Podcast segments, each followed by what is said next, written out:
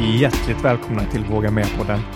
Podden för dig som älskar att aktivera det inre modet och utvecklas både fysiskt och mentalt. Med mig, Mikael Wigerud. Och med mig, Benjamin von Schmuck.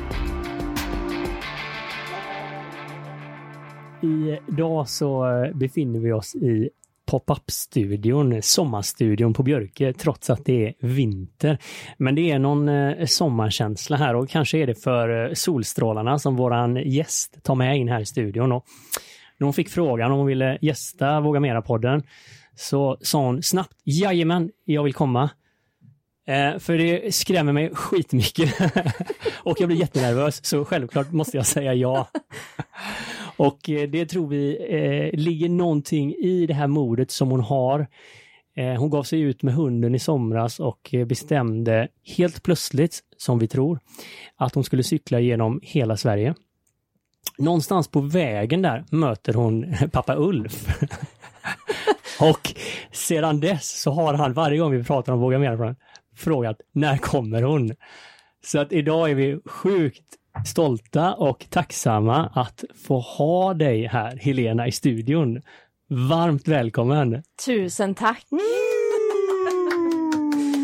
Så kul att få vara här!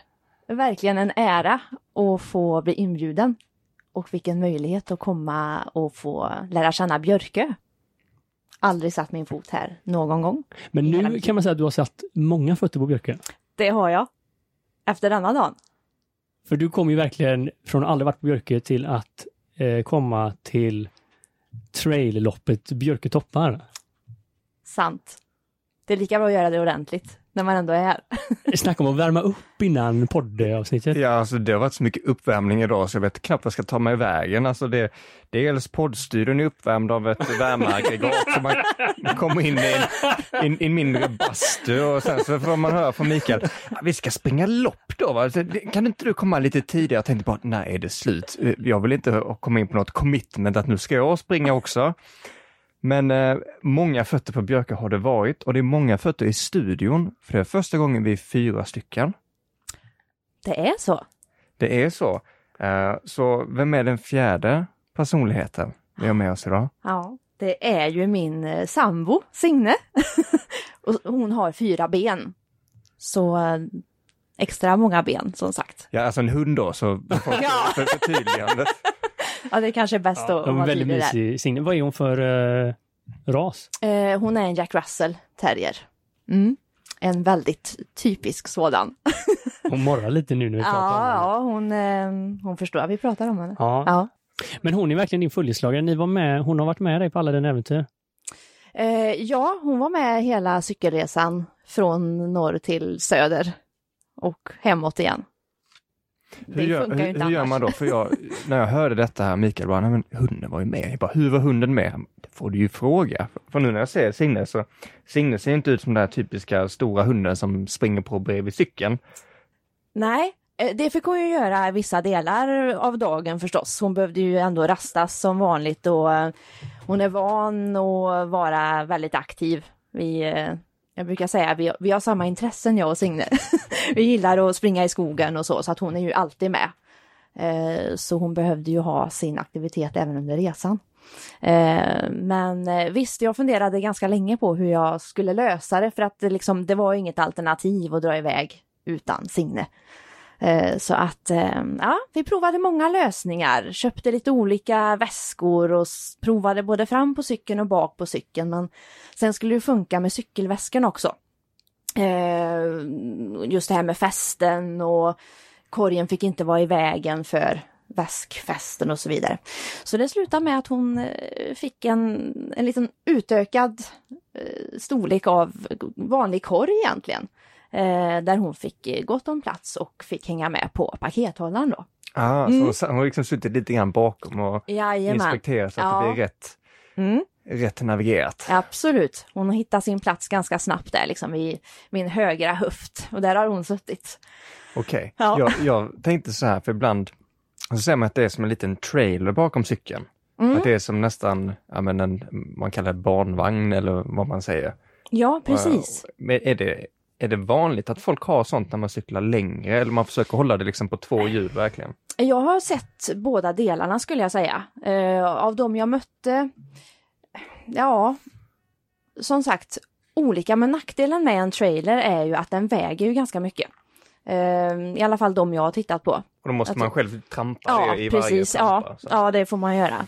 Om man inte vill ta elmotorvarianten eller så. ja det, Så man kan att, fuska eh, på det, men det, det, låter, det låter som lite fusk det där. Ja, sånt ägnar vi oss inte åt. Nej, men eh, och, och som sagt, det hade ju varit praktiskt. Man hade kunnat ta med sig mer saker. Eh, samtidigt som det var liksom en del i hela grejen också, att se hur mycket saker behöver man verkligen ha för att klara sin dag.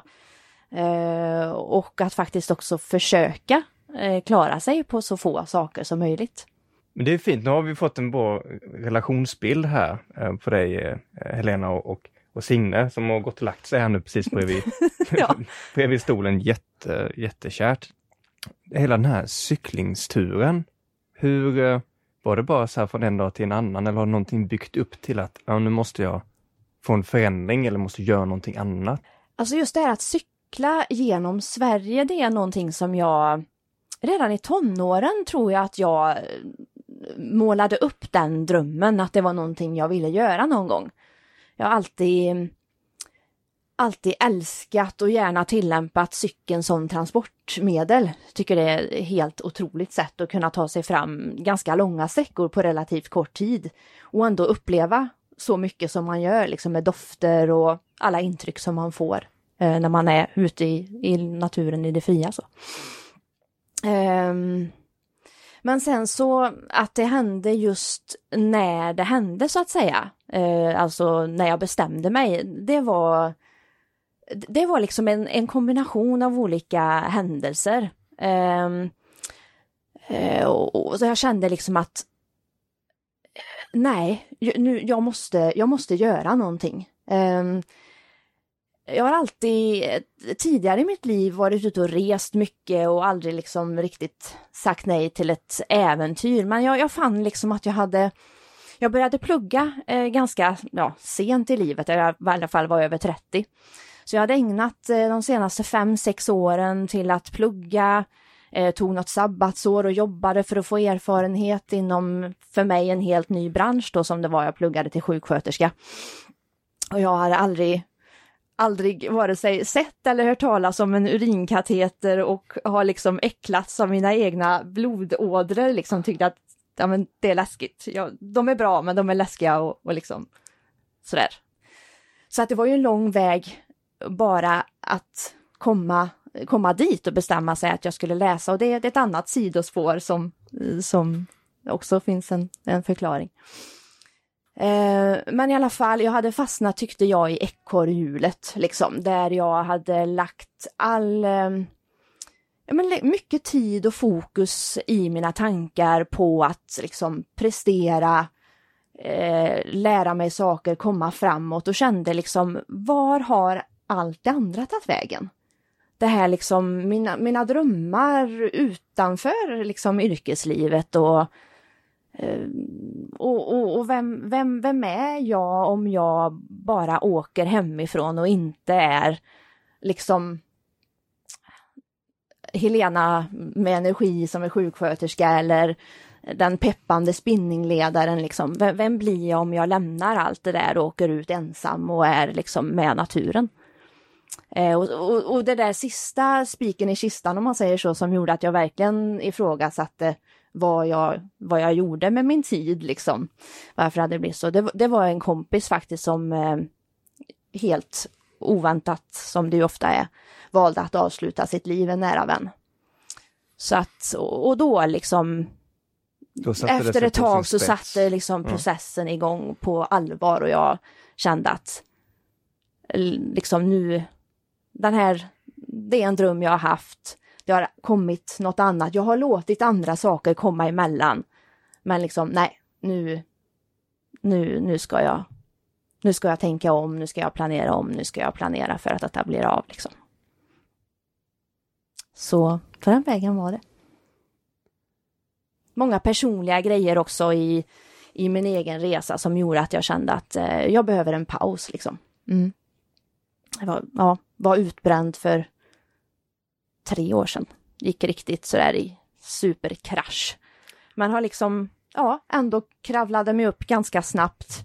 Lite tjockt pannben är bra att ha, eh, men kanske också tvingade mig själv att komma tillbaka lite för snabbt och det har blivit så här att man har försökt ta sig framåt, det har funkat bra, men sen har man fått backa lite grann en period så här. Så nu kände jag bara, nej, jag ska ge mig själv, jag ska ge mig själv den här tiden liksom. Ska ge mig själv en, ett sommarlov. Eh, med liksom, ja, två, två och en halv, tre månaders ledigt och bara, bara ta ett break. Det låter jättesunt att ta lite sommarlov. Ja, det, eller hur? Det, det är någonting jag saknar själv.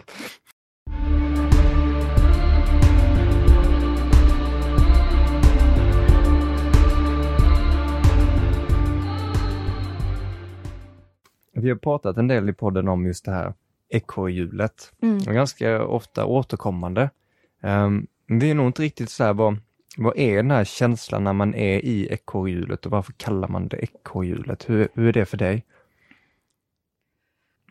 När jag känner att jag har varit liksom i ekorrhjulet eh, för lång tid för min egen trivsel så känner jag, men jag, jag känner nog eh, den starkaste känslan är nog en känsla av instängdhet tror jag.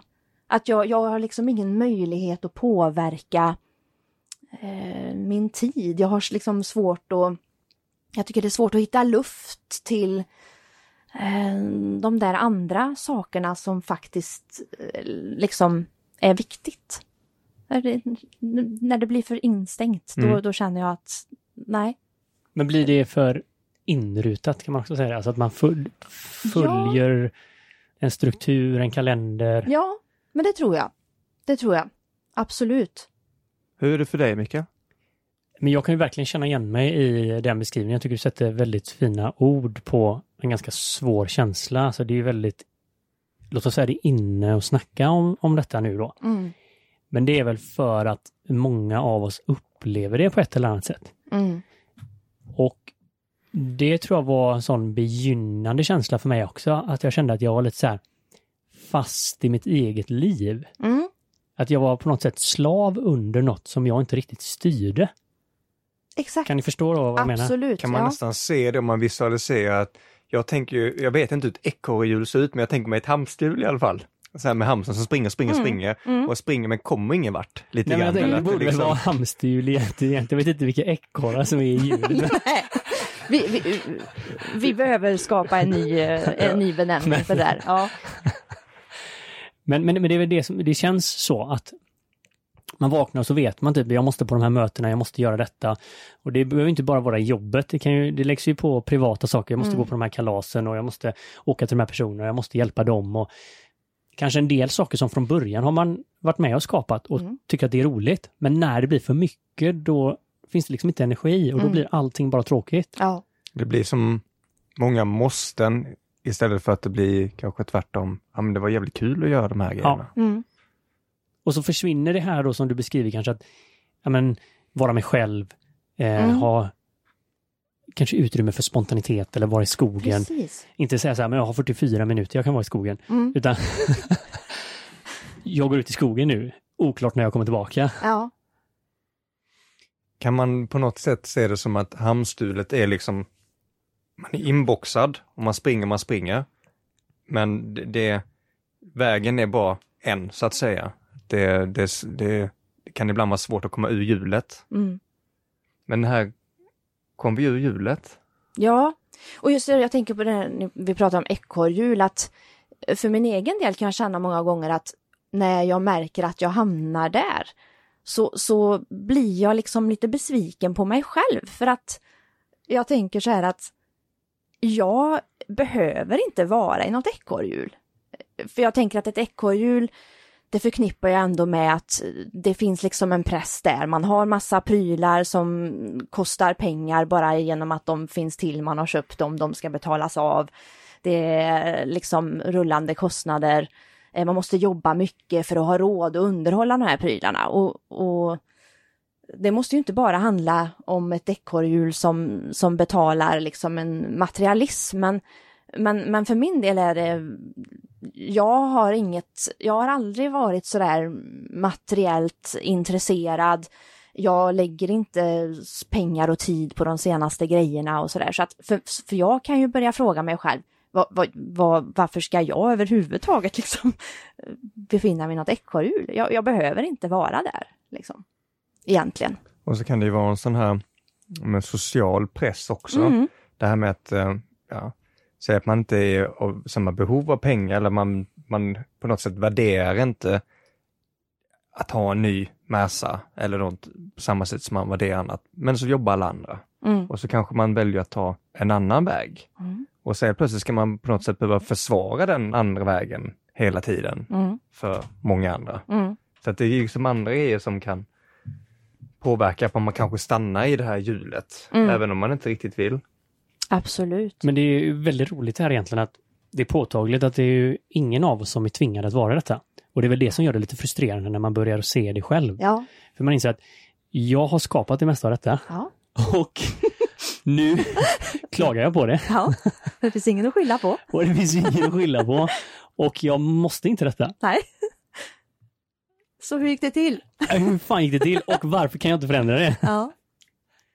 Men där visar du ändå så här, men det går att göra en plan och ta några steg mot en förändring. För jag tänker din cykelresa på det här symboliserar någonting större också än egentligen att, att du cyklade.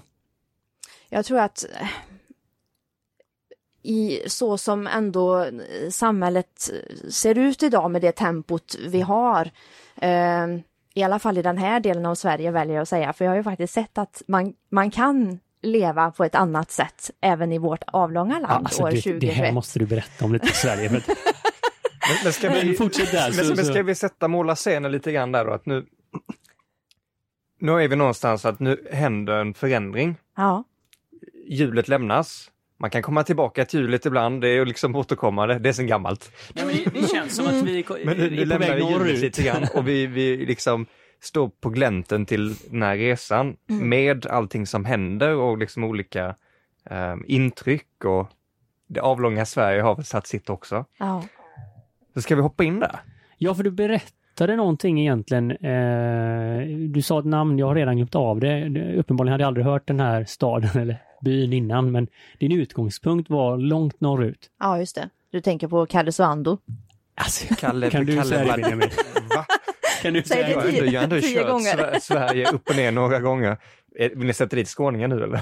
Nu är du verkligen faktiskt. Kall, Kall, Kalle Svando? Fast med R. Kar Karesuando. Karre Svando? Där satt den. Karesuando. Ja. Ja, tio gånger får ni Precis. inte. Det Mm. blir omöjligt.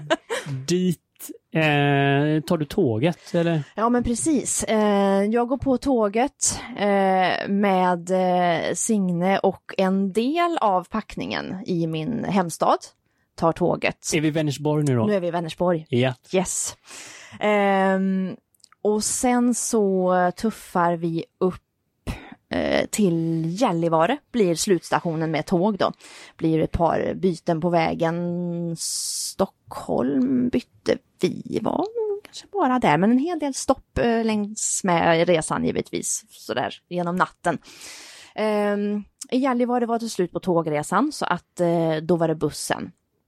Två byten upp då till Karesuando. Var är vi någonstans? Om vi tänker liksom långa Sverige. Mm. Och nu kan inte jag försvara skåningar, men vi tänker ju så här, Stockholm är ganska långt upp liksom. Eh, Och sen så har man kört till Stockholm och syns som att man är ju Ja. inte ens halvvägs. Nej. Eh, Men var är vi någonstans när vi kollar, tänker Sverige? Är vi övre tredjedel? Är vi vid gränsen? Ja, är vi, någonstans? vi är vid finska gränsen. Är vi finska Ja, gränsen? precis. Är vi Ehm, nära Treriksröset där Sverige, Norge, Finland möter? Det är ovanför Kiruna. Ja, jag ska vara helt ärlig och säga att jag vet inte hur långt det är från Treriksröset till Karesuando. Ja. Eh, men alltså, Treriksröset ligger lite, lite längre norrut, liksom nordväst från Karesuando. Eh, Okej. Så kollar man på kartan så, så, vad ska jag säga, det går liksom ner lite grann där. En Vi- sväng mot Ja, Finland. precis, finska gränsen då, så att man inte tar fel håll och kommer in på norska. Ja, finska Sidan. Ja, gränsen okej. precis. Så att, eh, oh, det, det, det står en vägskylt precis där i Karesuando, Finland, in Mm. till höger. Och så är det en bro över till andra sidan och där är Finland.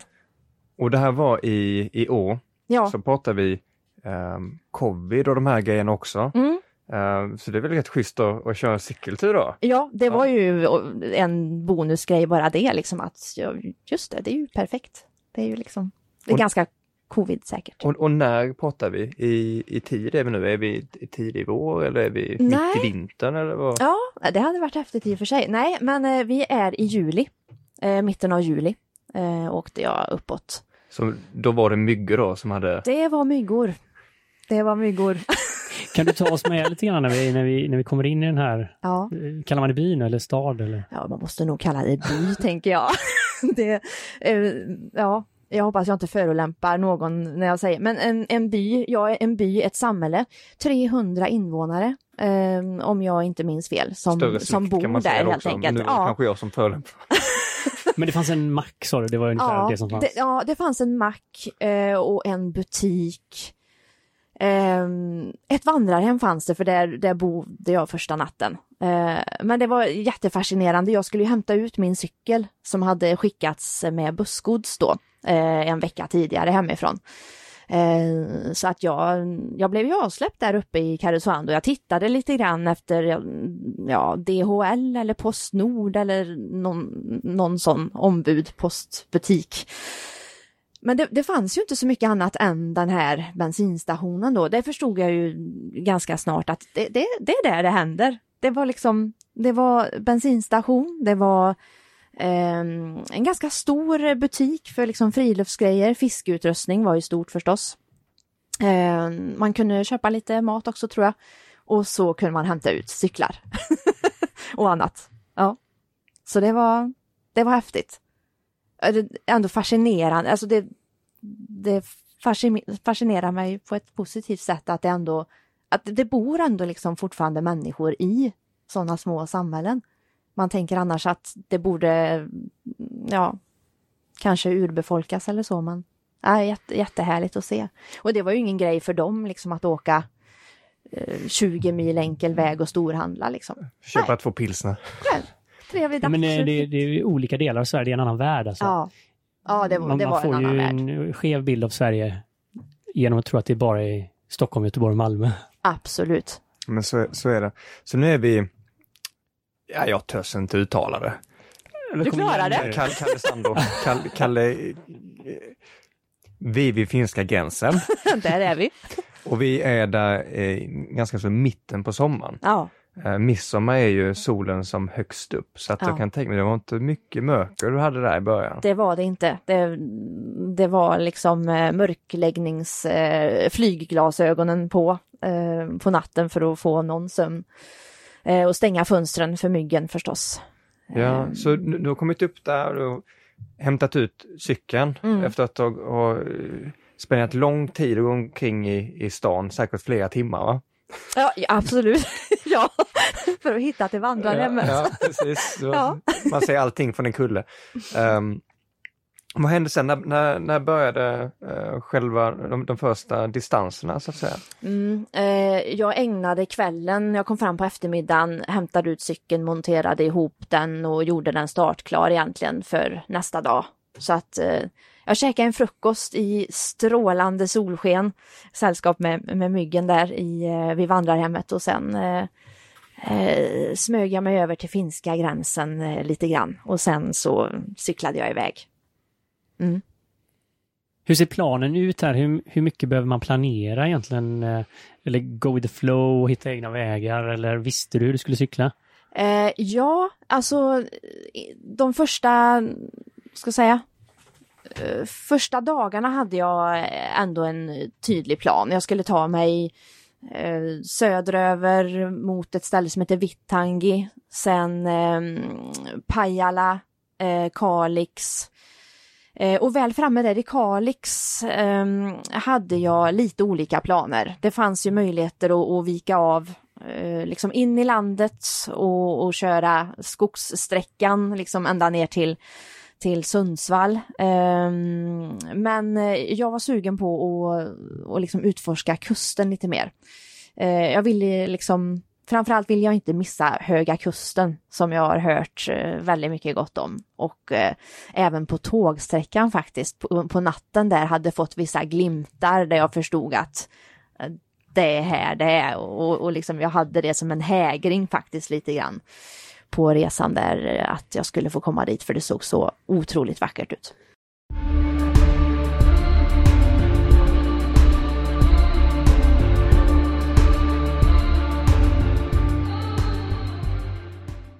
Jag kan ju bekräfta den här eh, kärleken eh, till kusten, för jag har ju fått se dina ögon när vi har kommit upp på topparna här på Björke nu. Då har vi varit i en lerig skog och så har vi liksom börjat en stigning upp på ett berg, trixat oss upp. Det regnar ju som fan och var halt. Och, och, när vi kom upp och så, liksom, så såg man bara du lyfta på blicken och så bara så här strålar och så bara herregud, det här är ju magiskt. Ja. Vilken plats! Björke, 10 mil hemifrån. Aldrig varit här, det är inte klokt. Nej, och du har verkligen sett örn idag. Men någonstans där i Kalix, det är där egentligen som du får den första touchdown till oss, om man säger så. ja. Vad är det som händer i Kalix och hur tusan har du hamnat här egentligen? Ja, alltså i Kalix händer det som så. Jag kommer fram, slår upp tältet och det är inte så mycket mer med det. Jag tillbringar liksom kvällen i Kalix. Jag går ut och äter eh, för första gången på de här fem dagarna. Liksom det finns en restaurang och ja, jag njuter av ett eh, mål mat och liksom tar ett glas vin och, och bara sitter där i solen. Um, så blir det morgon och då visar det sig att det står ett annat tält också, bara någon, någon buske emellan bort från mitt. Jag har tänkt på det direkt så mycket innan och inne sen i, i köket, skulle fixa lite kaffe tror jag där i, i campingköket, så, så dyker ju då vad som visar sig vara din pappa, Ulf. En god och glad göteborgare. Ja, det kan man verkligen säga. Det kan man verkligen säga. Så att det var ju liksom, det, det var inga konstigheter att, att, att fördriva en timme och äta frukost med Ulf. Och på den vägen var det, det var första mötet med Ulf. Ja, för, mm. det, för det, blev, det var inte det enda mötet. Nej, nej. Det är väl det här som är lite, men vad är det som händer här? För du har träffat en god göteborgare, ja, snackat lite grann och ja. så här och du är på ditt mission. Ja. Nu ska du cykla ja. Sverige här mm. och Ulf är på sitt mission. Och, och så här. Precis, ja. Um, ja. Det som händer är ju att jag fortsätter ju cykla eh, söderut då. Um, och någonstans i, vi har väl kommit eh, fram till att i Lövånger måste det ha varit. Så kom jag in där, det här är tre dagar, tre, tre dagar efter Kalix. Det har varit, Neråt då? Ja, ja, precis. Det har varit eh, ganska öde trakter, mycket, mycket skog som det ju är. Eh, inte träffat så många människor där egentligen, nej. Har du börjat fundera lite på vad är det jag sysslar med? Det har jag definitivt. skog, skog, skog, ingen jävla människa. Skog. Det hade jag gjort när jag öppnade dörren och bara shit vad mygg det är. Då hade jag börjat kontemplera ja, mitt liv. Ja, jag, jag, jag hade hunnit att ifrågasätta mig själv där eh, flera gånger. Um, och framförallt, ja, jag, jag, älskar, jag älskar att fika. Kaffe och, och särskilt så här liksom handgjorda bakverk, det tycker jag är helt magiskt.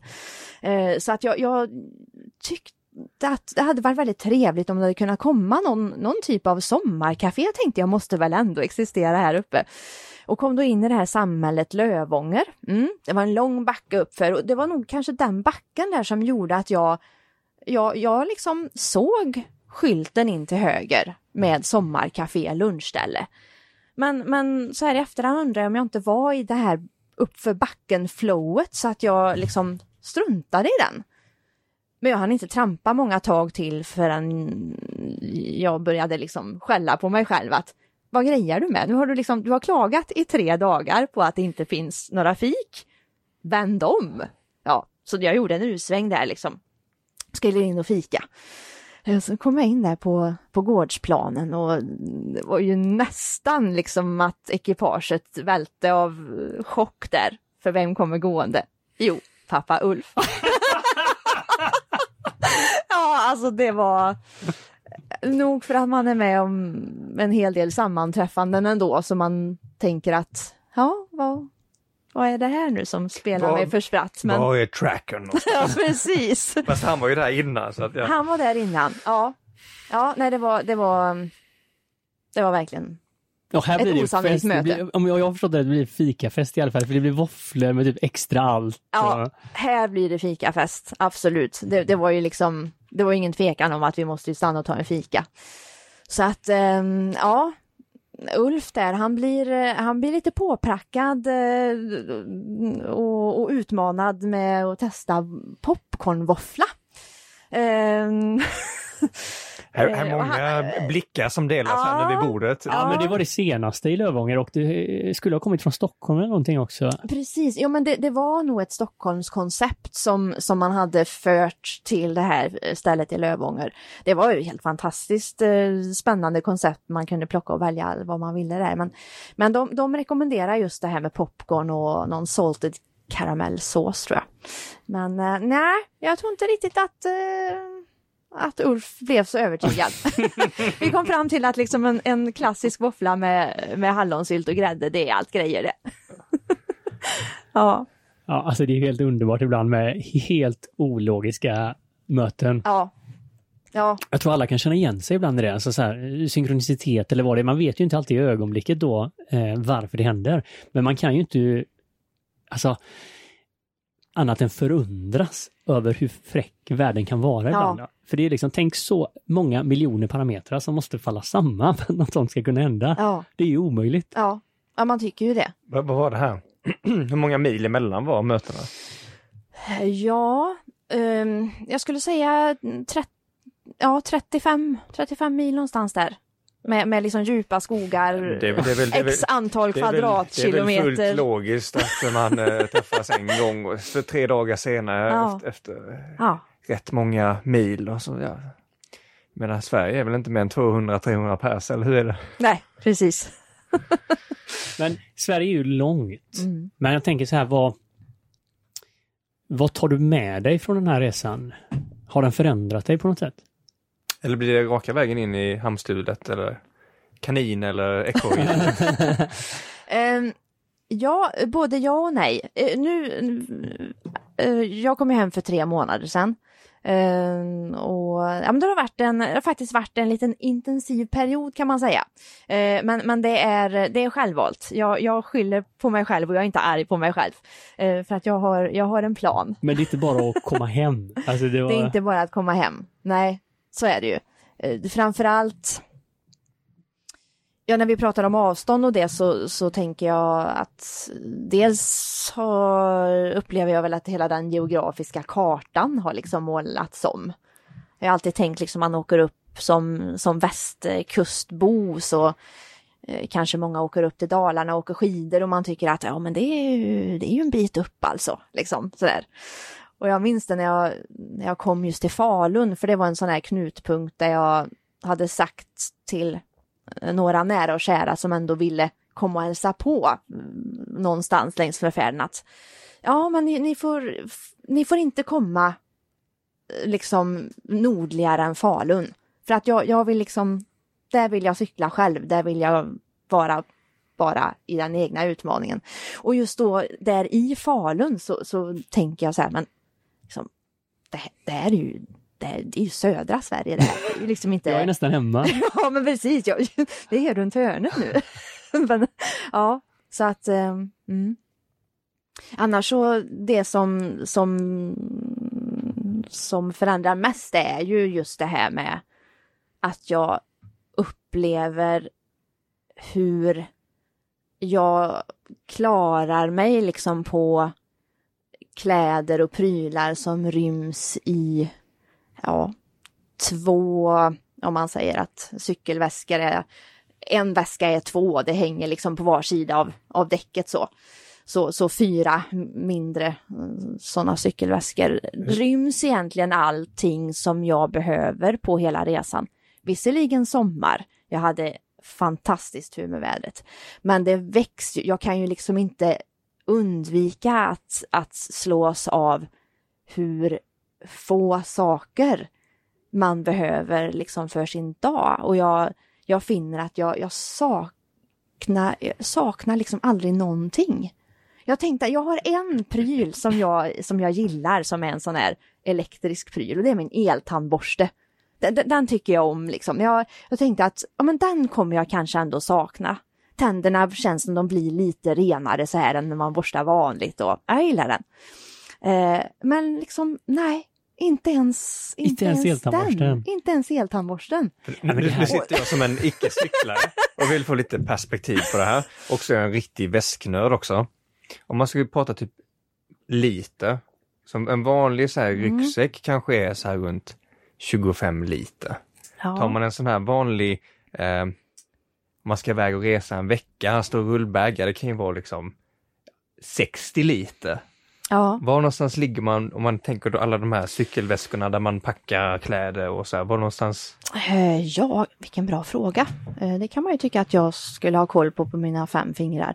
Man får höf- höfta till lite. Ja, eh, men jag tänker att en eh, 20 på dem där bak och 25 per styck där fram. Så kanske sammanlagt då 70 liter och så hade jag en liten väska fram på styret. Mm. Så typ 70, så säg, ja, men säg 80, 80. säg 80 liter kanske då. Det är, 70. det, är, det är fräckt för det är ju samma som om man skulle hajka en vecka.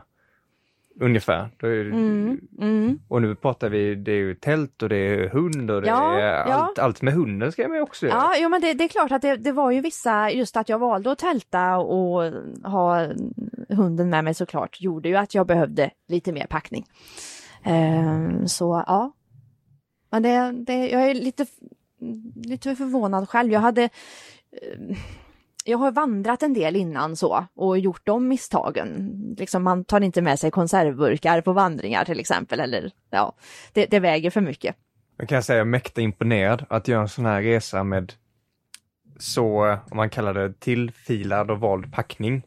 Ehm, och känna att man inte direkt saknar någonting. För det här i, i sig så är det ju mindre packning än vad den generella personen tar med sig till en vecka på Mallorca. Och nu pratar vi att hela huset är med, för tältet är med och reparationsgrejer till cykel och en hund och liksom hela den här biten. Ja, nej men det, det gick faktiskt eh, bättre än vad jag själv kanske hade trott hemma. Det blev väldigt eh, bra tajmat med packningen.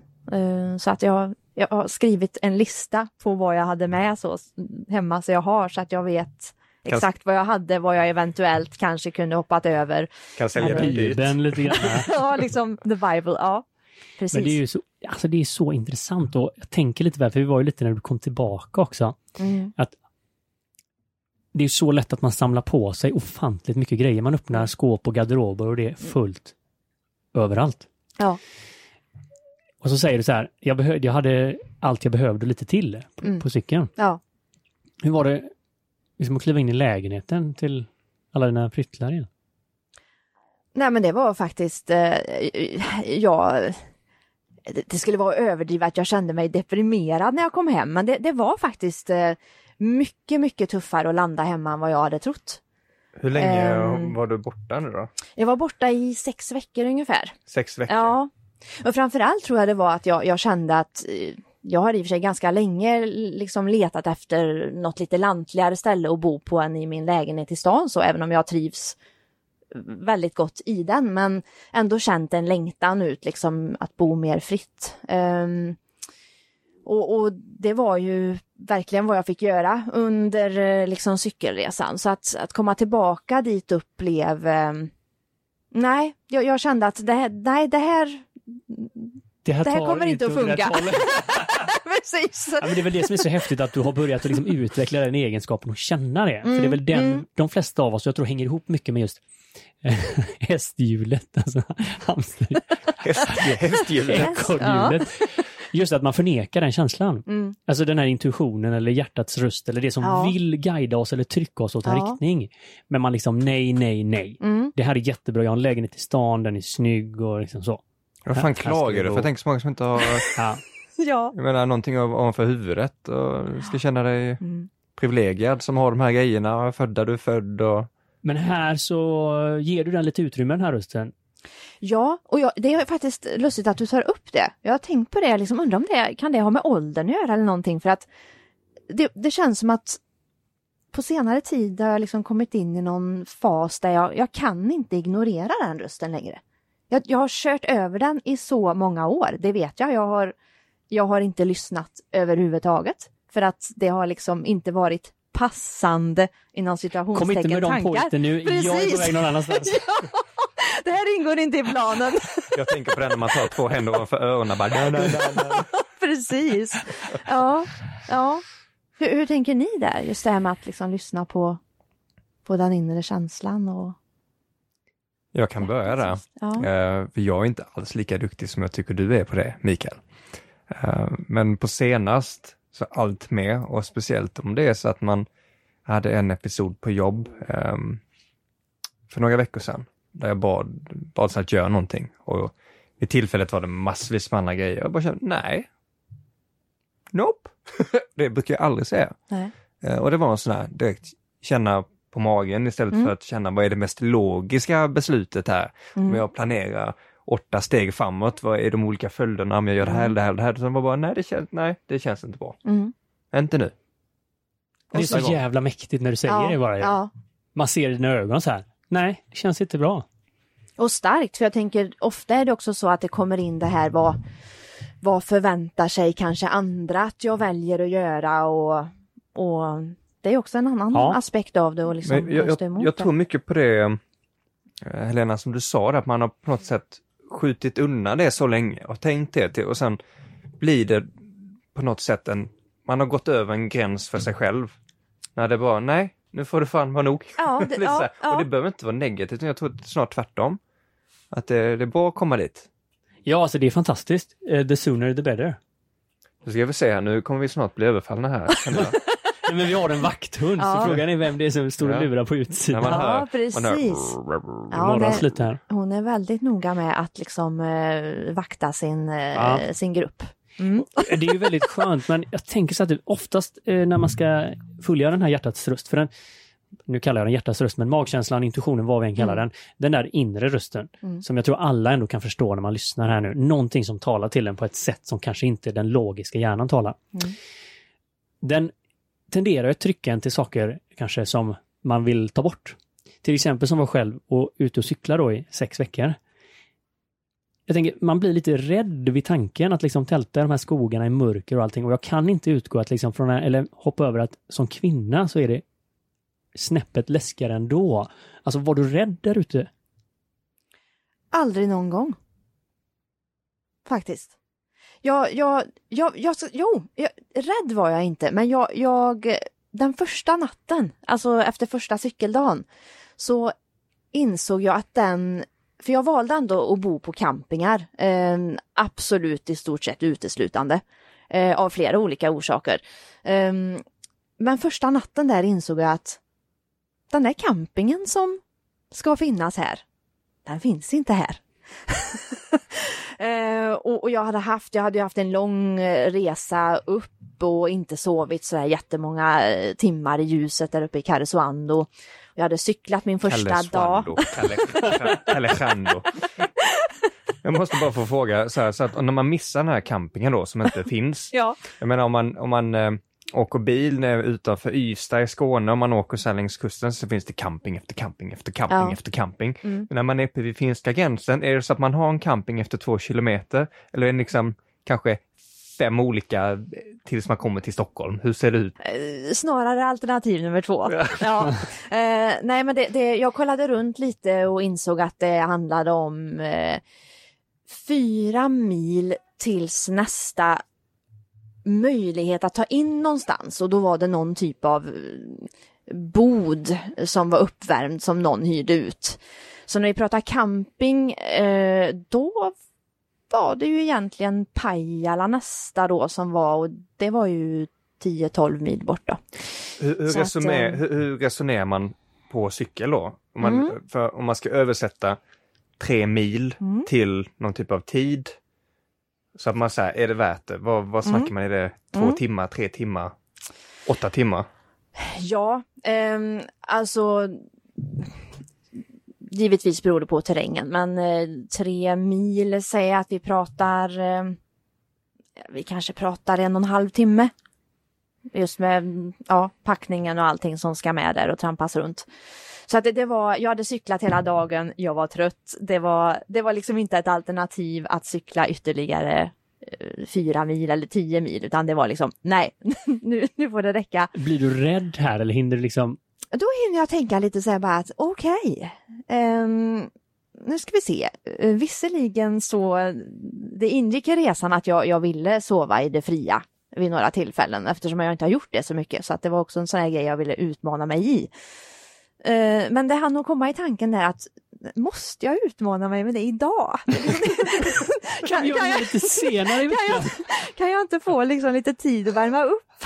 det, uh, så att, uh, men jag gjorde faktiskt så här, så då hann jag bli lite så här att jag visste inte liksom Vittangi, vad är, vad är det för plats liksom? Och jag hade aldrig talat om det, vad, vad, kan, ja, vad kan hända? Uh, men då, och det är ju just det här tänker jag på det är ju överfallsrisken man i så fall ja, tänker på. Man... Ja. Eh, så att då gjorde jag som så här, jag insåg att det är så här det får bli. Ehm, så jag ringde faktiskt till min, eh, en av mina bästa vänner vars eh, sambo är polis. Och så sa jag så här, du, kan inte du fråga din sambo om han känner till någonting med brottsstatistiken här? Du gör ändå din liksom research här. Det gjorde jag. Så att liksom jag tänkte att ja, Um, säger han att uh, han har liksom inte direkt hört talas om det här stället, då, då kör vi. Ska jag campa här i Botkyrka? precis. Sen var det det här med björnar då som egentligen inte är... sa något sånt där. Mm. Ja, det finns en mindre sekt där uppe som har hållit på och uh, ja, men de, de gick från att uh, såga ner träd till människor. Nej men det kommer ju mycket. Först är det mördare som du säger och sen börjar man tänka så här, men vad finns i naturen bara? Ja. Shit, är det björnar? Mm. Ja, ja men e egentligen om vi pratar om rädsla så, så var det egentligen eh, björnar som jag hade som, som min ja, största rädsla.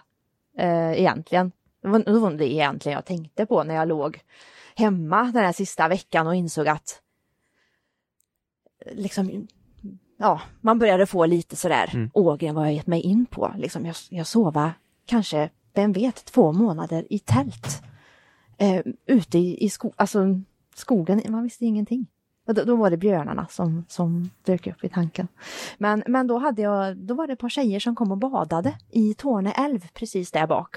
Eh, där jag hade bestämt mig för att slå läger. Eh, så då frågade jag faktiskt dem, eh, hur är det tjejer med, med björnar här och så? finns det björnar här? Eh, nej, det har vi inte sett några, men, men älgar finns det ju ganska gott om. Jag tänkte, ja, ja men det, det har vi hemma också, det är lugnt. ja, nej men jag, jag, jag får ju säga, jag, jag var ju aldrig helt själv, jag hade ju Signe. Ja, du har ju vakthunden med Jag, jag har vakthunden med mig. Mm. jag kan tänka mig att det är rätt skönt faktiskt att ha just hund med sig. Fantastiskt. Som känner av så här om någonting inte riktigt ligger rätt till. Helt klart.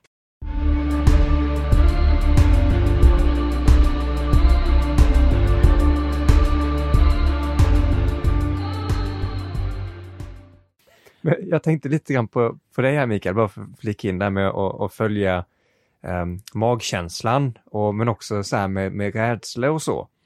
Uh, och tänkte jag en ganska specifikt fråga om, om Indien, när det var äventyr lite där. Nu, Sverige, uh, all ära till björn och varg och allt vi har.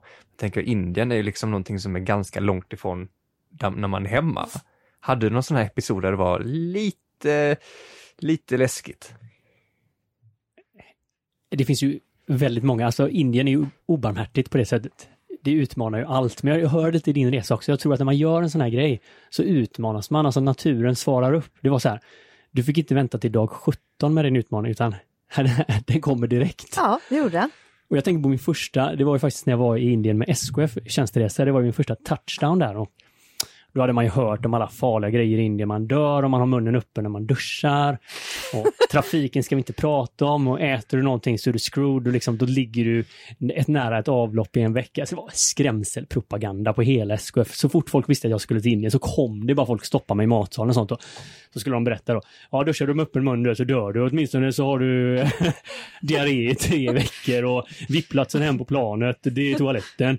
Man bara var kommer det här ifrån? Liksom? Så jag började bli typ så här genuint rädd. Alltså jag trodde jag var ganska resvan och sånt och så. Men, men jag började, jag började bli ganska rädd och så. Men tänkte så här, men det här med trafiken, det är i alla fall lugnt liksom. För jag har bott i Kina och jag åkte den galna trafiken där med allt från taxichaufförer som somnar till liksom serietacklingar och så. Men jag kommer till Indien, vi kommer ut i taxin, det är jag, och min chef och eh, kvalitetschefen. Och så börjar vi, ska vi åka till hotellet då, ska det ta ungefär 30 minuter. Och efter, efter 15 minuter i den här taxin så inser jag att då har jag och min chef, vi har gjort sån dödsposition. Du vet liksom gör, man tänker att... Är det det man läser på planet? Så här, Jajamän, liksom? det är det man ser på flygplanet. Man liksom korsar armarna, drar ner syrgasen och så liksom skyddar man kroppen för maximal krock här. Då har vi gjort den liksom dödsställningen tre gånger på de här 15 minuterna. Bara att sätta sig i den bilen tappar man två av sitt liv av, av rena hjärtklappningar. Så jag tänkte det var liksom så här, välkommen till Indien. Ja. Det är lite mer exotiskt. Ja, Och innehåller en hel del andra utmaningar. Tänker ja men det gör det, men så är det Ja. både och. Jag måste säga, jag tycker det är så, så fräckt när man lägger bara vad som vad corona öppnat upp egentligen. När man kanske bara kastas ut från storstaden i Sverige och, och vi har upptäckt mer delar av Sverige, så märker man typ ofta behöver man inte åka långt Mm. för att utmanas på riktigt. Nej. Typ att tälta en natt, som vi pratade om när jag var i Ottsjö och tältade. Jag kände mig som sjukaste liksom, innerstadsmänniskan. Jag var också rädd för björnar, jag visste inte jag skulle liksom få mat. Alltså, jag kunde inte överleva typ. Nu hör vi alla att, att det här är ju en inre Mikael, för överleva, det, det gjorde du ju utan problem. Jo, men jag ställdes ändå inför väldigt mycket frågor som jag hör dig säga där ute också, som jag inte tänker på mitt lyxliv som jag lever till vardags. Jag har liksom Ica Maxi och Willys på 100 meters avstånd. Jag kan köpa vad som helst i princip när jag vill. Och jag behöver inte oroa mig för några björnar. Och då har vi inte ens nämnt de här fina fiken som är precis runt hörnan heller. Exakt. Precis. Men då tänker jag så här, så då är frågan om det, om det är det ett lyxliv att ha det jämt. Det är Liksom. ju det som är så spännande. Mm. För jag, gjorde det mig gladare till Exakt. exempel? Mm. Jag tror inte det, det var en fråga utan det var ett svar. Nej, men jag tror att det är det här vi har missat i ekvationen i det samhället som vi bygger. Att på något sätt bekvämlighet är lika med att livet är bra. Mm. Men det som vi pratar om här, om man ser när det gnistrar i ögonen på, på oss runt bordet och sånt, det är ju då när vi har liksom utmanats lite grann. Där man på något sätt också har fått känna sig levande. Ja. Och i alla fall alla vågar mest lyssnare. Ja, men och jag tycker din eh, historia här, Helena, är så bra på det. Både att det behöver inte vara så sjukt långt bort eller det behöver inte vara så sjukt lång tid. Du säger så här, jag var ute i sex veckor. Sen vet ju vi som sitter här bredvid att det kanske liksom i, i en olinjär tid var sex år. Det är liksom ren förändring, men det var sex veckor. Ja. Alltså det är vad alla har. Majoriteten i Sverige har nästan sex veckors semester idag. ja. Så att, det är sjukt möjligt. Absolut. Och, och, och jag kom, kom hem liksom, eh, stannade en vecka hemma och sen kände jag att nej men det liksom, det ryckte i cykelbenen igen så jag gav mig ut och cyklade i mitt eget landskap liksom i, eller, i Dalsland som ligger väldigt nära liksom. Sverige i miniatyr kallas det förresten och det, det stämmer verkligen. Um, jättevackert. Um, och, och bara där liksom um, tänkte jag att det här var ju helt oplanerat. Nu i och för sig var ju det mesta redan packat och klart, men, men och det var ju verkligen bara liksom utanför dörren liksom. Bära cykeln nerför trapporna och sen kör vi. Så att det, det, jag tror att det är den största spärren eller liksom största eh, gränsen sätter man nog upp i sitt eget huvud liksom. Det, är- det är verkligen inte svårt egentligen. När man väl bestämmer sig. Jag, jag har um, en följdfråga på just den biten, den spärren. För jag tror jag sätter själv den spärren för mig själv ganska ofta. Um, Eh, en stor grej med vad vi gör här är att försöka utmana oss själva och lyssna till att få tips till att kunna göra det här. Jag tänkte för att summera ihop lite av, av just den här biten och dagens samtal. Ofta så är det ju mycket närmare till äventyr eller till utmaning eller till en upplevelse än vad man tror. Det behöver kanske inte vara så att man ska cykla hela Sverige eller hela Indien eller vad man nu väljer att göra, utan det kanske bara är att man öppnar dörren. Men så kom vi in på att ja, men den spärren sitter kanske i huvudet någonstans. Mm. Eller att vad händer om, eller det är rätt nice att sitta här och kolla på tv eller Youtube eller vad man nu väljer att göra. Tänka på jobb. Vad är ditt tips där för att på något sätt bryta ner den spärren eller se till att, ja men, det är inte ens en spärr för mig längre? Alltså, jag ska ju villigt erkänna att det är ju trögt även för mig ibland. Jag hamnar ju också där och kommer på mig själv att jag hittar liksom problem ibland. Um, men jag tror för mig har det nog varit att bara alltså acceptera att jag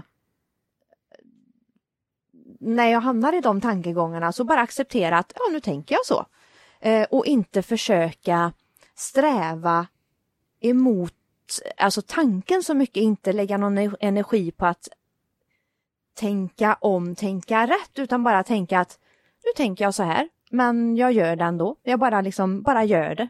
Um, på något sätt. Det är alltså, att göra det fast att det tar emot. För att man behöver oftast inte komma mer än utanför dörren eller kanske bara eh, springa fem minuter om ens det. Hur, hur långt kan vi ha sprungit idag i spöregnet på våran runda här innan vi liksom glömde bort att det överhuvudtaget regna? Eller liksom motståndet försvinner Ja, ja det, var fort. inte, det var inte speciellt många steg ju. Nej. I alla fall kanske en kilometer så tänkte man inte på att det var dåligt väder sen. Nej. Jag, Så jag eh, kommer att tänka på ett avsnitt vi hade med Sissi, just det här med att, att springa. Bara göra det, för det känns Ja. så mycket bättre efteråt. Mm. Eh, Jag tänker ofta på energi, att jag känner att jag har dränerat så mycket så att jag känner inte att jag har orken att ta mig till Delsjö för att bada just nu, om jag inte någon puttar lite på mig. Och den vill jag på något sätt ta bort. Jag vill att jag ska ha energi att komma över första tröskeln, för det handlar bara om att komma över den första tröskeln, sen så Mm. bara flyter andra på. Sitter Mm. man i bilen så är man i bilen, då är man på väg någonstans. Om man öppnat dörren och man är på väg ut, då är man på väg ut. Men den här mentala biten, att Mm. liksom Mm. resa sig, ta bort det man håller på med just nu, eller gå upp från sängen, inte trycka på snosknappen. Involvera någon annan. Eh, är nog också ett sånt här Vet jag med mig att jag, jag vill utföra någonting, jag kanske vill förändra några vanor eller eh, ja, så och vet med mig att det här, jag kommer börja kohandla med mig själv här. Jag vet det, jag har gjort det förr. Eh, så kan jag tycka att det är just det här att försöka få med någon kompis på det där man ska göra. Få lite draghjälp. Få lite draghjälp. Liksom, Slänga ut en eh, krok. Ja, lite så. Mm. Ja, det finns lite tricks där ju. Ja, det gör det. Vi, vi skulle kunna, det skulle vara jätteintressant att höra lite från lyssnarna hur de gör. Mm. Eh, Så har du några grymma tips på hur du, vi säger övervinner snosknappen då. Eh, Ta dig ut och badar, ta dig till gymmet, eh, gör det du vill. Så skicka in dem till podden. Jag tänker så här, det hänger några öppna frågor. Alltså man blir väldigt nyfiken på dig och på, på, på det du har sagt. Men jag, jag tänker så här Benjamin, att vi får två snabba frågor var. Bor du kvar i lägenheten? Inte så länge till. Jag flyttar till en annan eh, som är eh, 15 kvadrat mindre. Och så har jag köpt en husvagn. Så du bor i husvagnen? Mm, jag bor eh, en del i husvagnen. Så eh, får framtiden utvisa vad som händer där. Blir det fler cyklingsäventyr inom snar framtid? Absolut, det blir det. Ehm, jag eh, har faktiskt satt upp ett möte med mig själv imorgon. Möte med sig själv? Ja. Kom precis in. Lifehack! Eh, där, Ska vi se ehm, agendan för dagens möte? ja, precis. Um, där jag tänkte att eh, nej, nu vill jag konkretisera mitt nästa cykeläventyr. Ehm, så ja, någonstans i vår, sommar. Sen eh, oklart hur, hur länge, hur stort som sagt. Det behöver inte alltid vara så långt bort. Eh, men det kommer definitivt bli mycket, mycket mer cykling. Vilka var dina två favoritplatser i Sverige? Får man säga, Höga Kusten som ett eh, område. Det är väl egentligen många mil där. Eh, men det fastnade jag ju otroligt mycket för. Eh, sen är ju södra Sverige också fantastiskt vackert. Eh, ja, Skåne överlag. Ja, helt otroligt vackert. Jag har inte sett Benjamin så vill, glad på länge. ja, man vill ju alltid tillbaka dit. Om det är en grej du tar med dig från Sverige på den här resan, som du känner är unikt just för Sverige, vad skulle det vara? Eh, så unikt för Sverige. Uh, jag tänk, det är ju egentligen inte riktigt uh, svar på din fråga. Men det som jag, om jag får om, omformulera lite och tänka vad som kanske överraskade mig om Sverige eller liksom om, så är det ju att, och jag skulle verkligen vilja krossa den här myten om att norrlänningar är osociala. Eh, var, var, var kommer den ifrån? alltså det, det, jag är så jag tar med mig, jag känner mig så, så varm av all den, och det gäller ju för hela Sverige, men det blev väldigt tydligt just där uppe vilken, alltså vilken, vad mycket hjälpsamma människor det finns som eh, eh, helt liksom osjälviskt är beredda att erbjuda både av sin tid och, och liksom sina hem för att liksom ge en eh, husrum för, för natten och, och ställa upp när man liksom har, har problem. Eh, jag kände mig ehm, jag kände mig alltid, alltså jag tillbringade många mil på cykel själv men jag kände mig aldrig ensam. Det var, jag har mött så mycket fantastiska människor längs med vägen som har engagerat sig och som man har kunnat liksom utbyta erfarenheter med. Och, ja, jag, jag är verkligen djupt rörd över, över det. det. Det är det största jag tar med och, mig. Och inte som svar, men det här, vem kan tro att eh, norrlänningar eh, är osociala? Ja, kanske stockholmare. Kanske. Kanske, i alla fall om man lyssnar på vem de inte tycker om, de här jävla miljöpolitikerna. Ja, men vi är faktiskt väldigt glada och rörda av att få ha dig i studion också. Det har varit eh, riktigt, riktigt kul. Om man eh, vill följa dig eller se mer av dig, vart eh, kan man hitta dig på sociala medier? Eh, jag finns på Instagram under Friskvärdslanken. Eh, som är... Så friskvårdslänken utan ja. någon form av prickar och precis, cirklar? Och... Precis, det stämmer. Det har varit helt fantastiskt att få komma hit och träffa er. Och ja, verkligen stort tack för en så fin podd. Jag har lyssnat på många avsnitt och inspirerats av dem. Tack! Nästa gång så ringer vi upp dig då någonstans i världen på cykeln. Ni är välkomna. Tack!